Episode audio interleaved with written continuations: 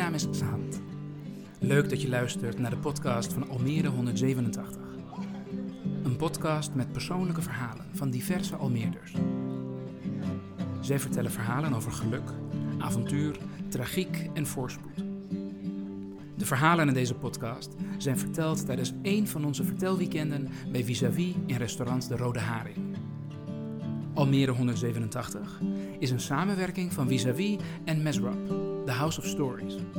En wil door middel van verhalen mensen elkaar laten ontmoeten. En ook de nieuwsgierigheid naar het persoonlijk verhaal van een onbekende prikkelen. In deze aflevering luister je naar het verhaal van Yosra Beljazid. Zij komt uit een Marokkaans gezin van zes. Haar vader, moeder en drie zusjes.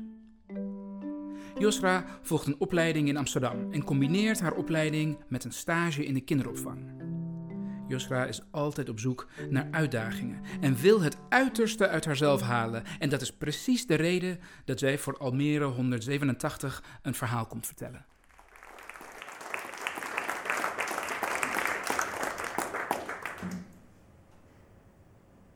Ik ben zeven jaar oud en ik zit in de auto samen met mijn ouders en mijn zusjes in Marokko. En we zijn onderweg naar mijn oma. Dat is de moeder van mijn moeders kant. En voordat we daar aankomen, komen we aan bij een, bij een pleintje met allemaal hoge gebouwen eromheen. Dat zijn allemaal huizen.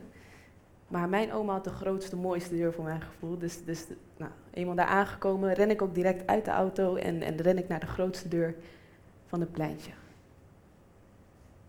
Nou, ik druk direct op de bovenste deurbel. En, en ik hoor mijn oma al vanaf boven roepen van, van wie is dat, wie is er? En ik schreeuw naar boven, oma, ik ben het, Josra. En ze zoomt direct de deur open. Nou, ik die mooie grote zware deur openduwen, loop ik door het halletje heen. En uh, ik zie daar al op de trap, aan het einde van het halletje zie ik mijn oom staan. Nou, mijn oom stond te wachten om ons te groeten. En uh, ik loop als eerste naar mijn oom toe. Ik steek mijn hand uit en mijn oom groet mij en die zegt, Salam alaikum Yosra. Dus ik keek hem aan en ik zeg tegen hem, uh, lebes, lebes. En, en hij begint ineens heel hard te lachen. En, en zegt vervolgens tegen mij, Yosra, jij bent echt, echt een grapjas. En liep naar boven. Nou, ik loop hem achteraan, helemaal naar de bovenste verdieping, want daar verbleef mijn oma en daar ontving mijn oma ook alle, uh, alle gasten. Nou, we zijn boven aangekomen en mijn oom stapt als eerst naar binnen. En ik stap vervolgens de woonkamer binnen van mijn oma. En ik zie daar ook heel veel familieleden zitten. Mijn oma zag ik er zitten, mijn opa zat ernaast. Uh, een heleboel ooms en tantes, maar ook ooms en tantes die dus in Marokko wonen en die, die ik niet zo vaak zie. Gewoon één keer per jaar wanneer we naar Marokko toe gaan. En ook wat ooms en tantes, neefjes en nichtjes die met ons mee zijn gegaan op vakantie. Ik kijk even om me heen en ik zie allemaal hoofden. en ineens valt mijn blik op die van mijn oom. En ineens zegt mijn oom, moet je eens horen wat Josra net beneden heeft gezegd. En de hele kamer begint te lachen. En ik stond nog even stil en ik kijk de kamer in. En vervolgens ben ik naar boven gelopen, één verdieping hoger heb je de stah. Nou, dat is een soort dakterras. En daar ben ik toen in een hoekje gaan zitten. Ben ik gaan huilen. En heb ik die avond besloten om niet meer naar beneden te gaan. Ik ben Josra. Ik ben een Almeerder. Ik heb Marokkaanse roots. En ik heb besloten op mijn jaarlijkse trip naar Marokko om geen Marokkaans meer te praten. Ik ben acht jaar oud. En ik zit met mijn ouders in de pizzahut. En de pizzahut in Marokko is echt een, hele lekkere plek om te eten. Daar, kan je echt de beste pizza's en lasagnes eten die je maar kan vinden. Maar het duurt daar wel heel lang voordat, voordat je je eten krijgt. Dus ik, ik besluit om uh, achter in het restaurant te gaan spelen. In, het, in een groot speeltoestel. En, en ik weet nog dat toen ik daar aankwam, dat ik direct uh, zo hoog mogelijk probeerde te klimmen. Direct klimmen, klauteren, dat, dat, dat is wat ik leuk vind. Nou, eenmaal helemaal boven aangekomen, kom ik in een tunnel terecht. Een tunnel met allemaal verschillende uh, ramen erin en, en elk raam had een ander kleurtje. Maar aan het einde van die tunnel zie ik een meisje zitten. En ze zat daar naar eentje te spelen. Dus ik besloot om, om naar voren te kruipen en, en te groeten. Dus ik, ik, loop naar, of nou, ik kruip naar haar toe en ik zeg tegen haar: hey, hoe gaat het? En ze begon in het Frans terug te praten. En ik begon op een gegeven moment na te denken. En, en uh, ik kende maar één woordje Frans en dat is bonjour. Dus ik zei direct bonjour. En ze keek me aan en ze zegt bonjour terug. Nou, ik probeerde haar duidelijk te maken dat, dat bonjour uh, in, in mijn taal, Nederlands, dat dat hallo is. Nou, dat was gelukt, want we hebben de hele avond zitten spelen met twee woordjes. En, en dat op een andere manier uitleggen. Dus het was continu bonjour, hallo, bonjour, hallo, bonjour, hallo. En zo gingen we de hele avond door. En ik weet nog dat ik me besefte dat, dat je eigenlijk helemaal geen taal nodig hebt om het leuk te hebben met elkaar. Om gewoon leuk te kunnen spelen. Ik ben negen jaar oud. En um, ik ben in een dorpje, samen met mijn moeder en zusjes, bij de zus van mijn oma. Nou, dat dorpje dat heet Asila.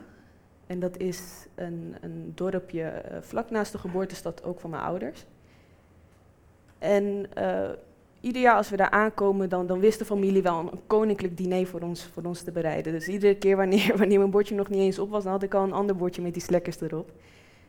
En we hebben met de hele familie lekker gezellig gegeten. En aan het einde uh, besloot mijn moeder even uh, buiten te gaan wandelen en mijn zusjes gingen met haar mee. Ik bleef nog even uitbuiken, want mijn buik zat echt heel erg vol. Um, en mijn nichten die bleven ook aan tafel zitten. Mijn twee nichten die, die ook in Marokko wonen. Dat zijn de dochters uh, van mijn zuster, van mijn oma dus, dus in ieder geval. En, en ze bleven even met elkaar praten in het Marokkaans. En ik zat op mijn Nintendo, zat ik continu spelletjes te spelen. Maar op een gegeven moment ving ik, ving ik wat op van hun gesprek. En ik hoorde een paar dingen over mijn moeder. Dus ik zette mijn oren nog een klein beetje meer open. En, en ik hoorde verhalen als in... Um, nou, hoe kan het dat zij met, met zulke korte mouwen naar buiten gaat? Kent zij geen schaamte? Um, dat komt ervan als je in Europa uh, gaat opgroeien. Nou, dan, dan is dat jouw eindpunt. En ik keek heel even omhoog en, en volgens mij hadden ze ook niet door dat, dat ik ze kon verstaan. En ik ging weer terug het spelletje in en ik heb het verder zo gelaten. Ik ben tien jaar oud en ik ben met mijn neefje aan het spelen op het strand in Marokko. En we hadden allebei een wakeboard en we gingen in de zee. En we vonden het superleuk om, om de hoogste golven te gaan zoeken. Nou, we waren heel enthousiast met elkaar aan het spelen. En op een gegeven moment um, vertelt mijn neef van, van nou, kom op, in het Marokkaans zegt hij dat tegen mij. Kom, we gaan naar die kant, daar zijn de golven veel hoger. Die zijn veel hoger, daar kunnen we veel leukere trucjes doen. Maar ik was super enthousiast en ik zeg ook in het Marokkaans tegen hem. Nee, kom, we gaan naar die kant. Daar zijn de golven veel hoger en daar wil ik een trucje uitproberen. En hij, hij was gewoon stil en hij keek me aan, zet twee stappen naar voren in het water met grote ogen. En op een gegeven moment begint hij te peddelen. Te peddelen naar, naar de kust, naar mijn ouders. En hij begint te schreeuwen, Josra kan Marokkaans, Josra kan Marokkaans. En ik probeer hem bij te houden, want ik wist niet wat hij, wat hij aan het doen was. Ik loop achter hem aan en ik hoor hem uh, tegen mijn ouders zeggen van Josra kan Marokkaans. Josra zei dit, dit, dit, dit en dit. En hij begon te herhalen wat ik dus zei. En mijn moeder die zegt tegen hem van nee joh, zij kan helemaal geen Marokkaans. Ze zijn wel jaren mee bezig, dat kan ze helemaal niet. En hij zegt, jawel, echt waar, dat deze echt. Dus, dus mijn, mijn moeder die kijkt naar mij en die zegt tegen mij, Wilsra, heb je Marokkaans gesproken? En ik zeg, nee, ik heb geen Marokkaans gesproken, want ik wilde niks herhalen. Nou, mijn moeder had het op dat moment heel even zo gelaten, maar, maar ze wist dat ik um, die zomer heel graag een vlieger wilde. En ze zag een man lopen op het strand die vliegers verkocht. Ze roept me naar haar toe en ze zegt tegen me, nou, hier heb je wat dirhams, een paar centen. Ga maar naar die man toe dan haal maar je eigen vlieger. Nou, ze wist dat ze me dat geen twee keer hoefde te vertellen, want, want ja, ik ging direct, ik pakte direct, direct de centjes aan en ik ging die vlieger ophalen. Nou, ik kan die meneer vragen, uh, hoeveel kost die vlieger? En ik had het heel, heel mooi en fijn afgehandeld met meneer. En ik kom terug met, met wisselgeld en mijn uh, vlieger. En mijn moeder keek me aan met, met volle, volle trots en ze zegt tegen mij van, zie je wel, je kan het wel. Je kan wel Marokkaans. En toen zei ik, ja dat klopt mama, ik kan zeker Marokkaans. En ik heb ook gehoord wat Sofie gezegd hebben. Ik ben 23 jaar oud. En ik voel mij het meeste thuis tussen mijn vrienden. Want als ik tussen mijn vrienden zit en ik groep mijn vrienden met salam alaikum, dan krijg ik van mijn ene vriendin krijg ik een, een terug. En dan krijg ik van de andere vriendin krijg ik een hallo, hoe gaat het terug. De ander krijg ik een ciao. En misschien wel van de andere merhaba. En, en ik vind juist het allermooiste dat, dat het maakt niet uit hoe ik mijn vrienden groet. Ik krijg hun eigen begroeting terug. En daar voel ik mij het meeste thuis. En dat vind ik ook echt het mooiste wat er is.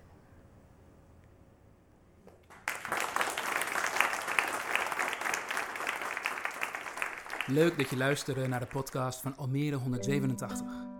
Een samenwerking van Vis-a-vis en Mesrab, The House of Stories. Mijn naam is Sahande Saheb Diwani, initiatiefnemer en artistiek verantwoordelijke van Mesrab. Namens Vis-a-vis en Mesrab willen we alle vertellers en medewerkers bedanken die dit project en ook de podcast mogelijk maken. Vond je de podcast zo leuk dat je Almere 187 wel een keertje live zou willen meemaken? Houd de website www.visavi.nl in de gaten voor nieuwe live vertelavonden in de Rode Haring.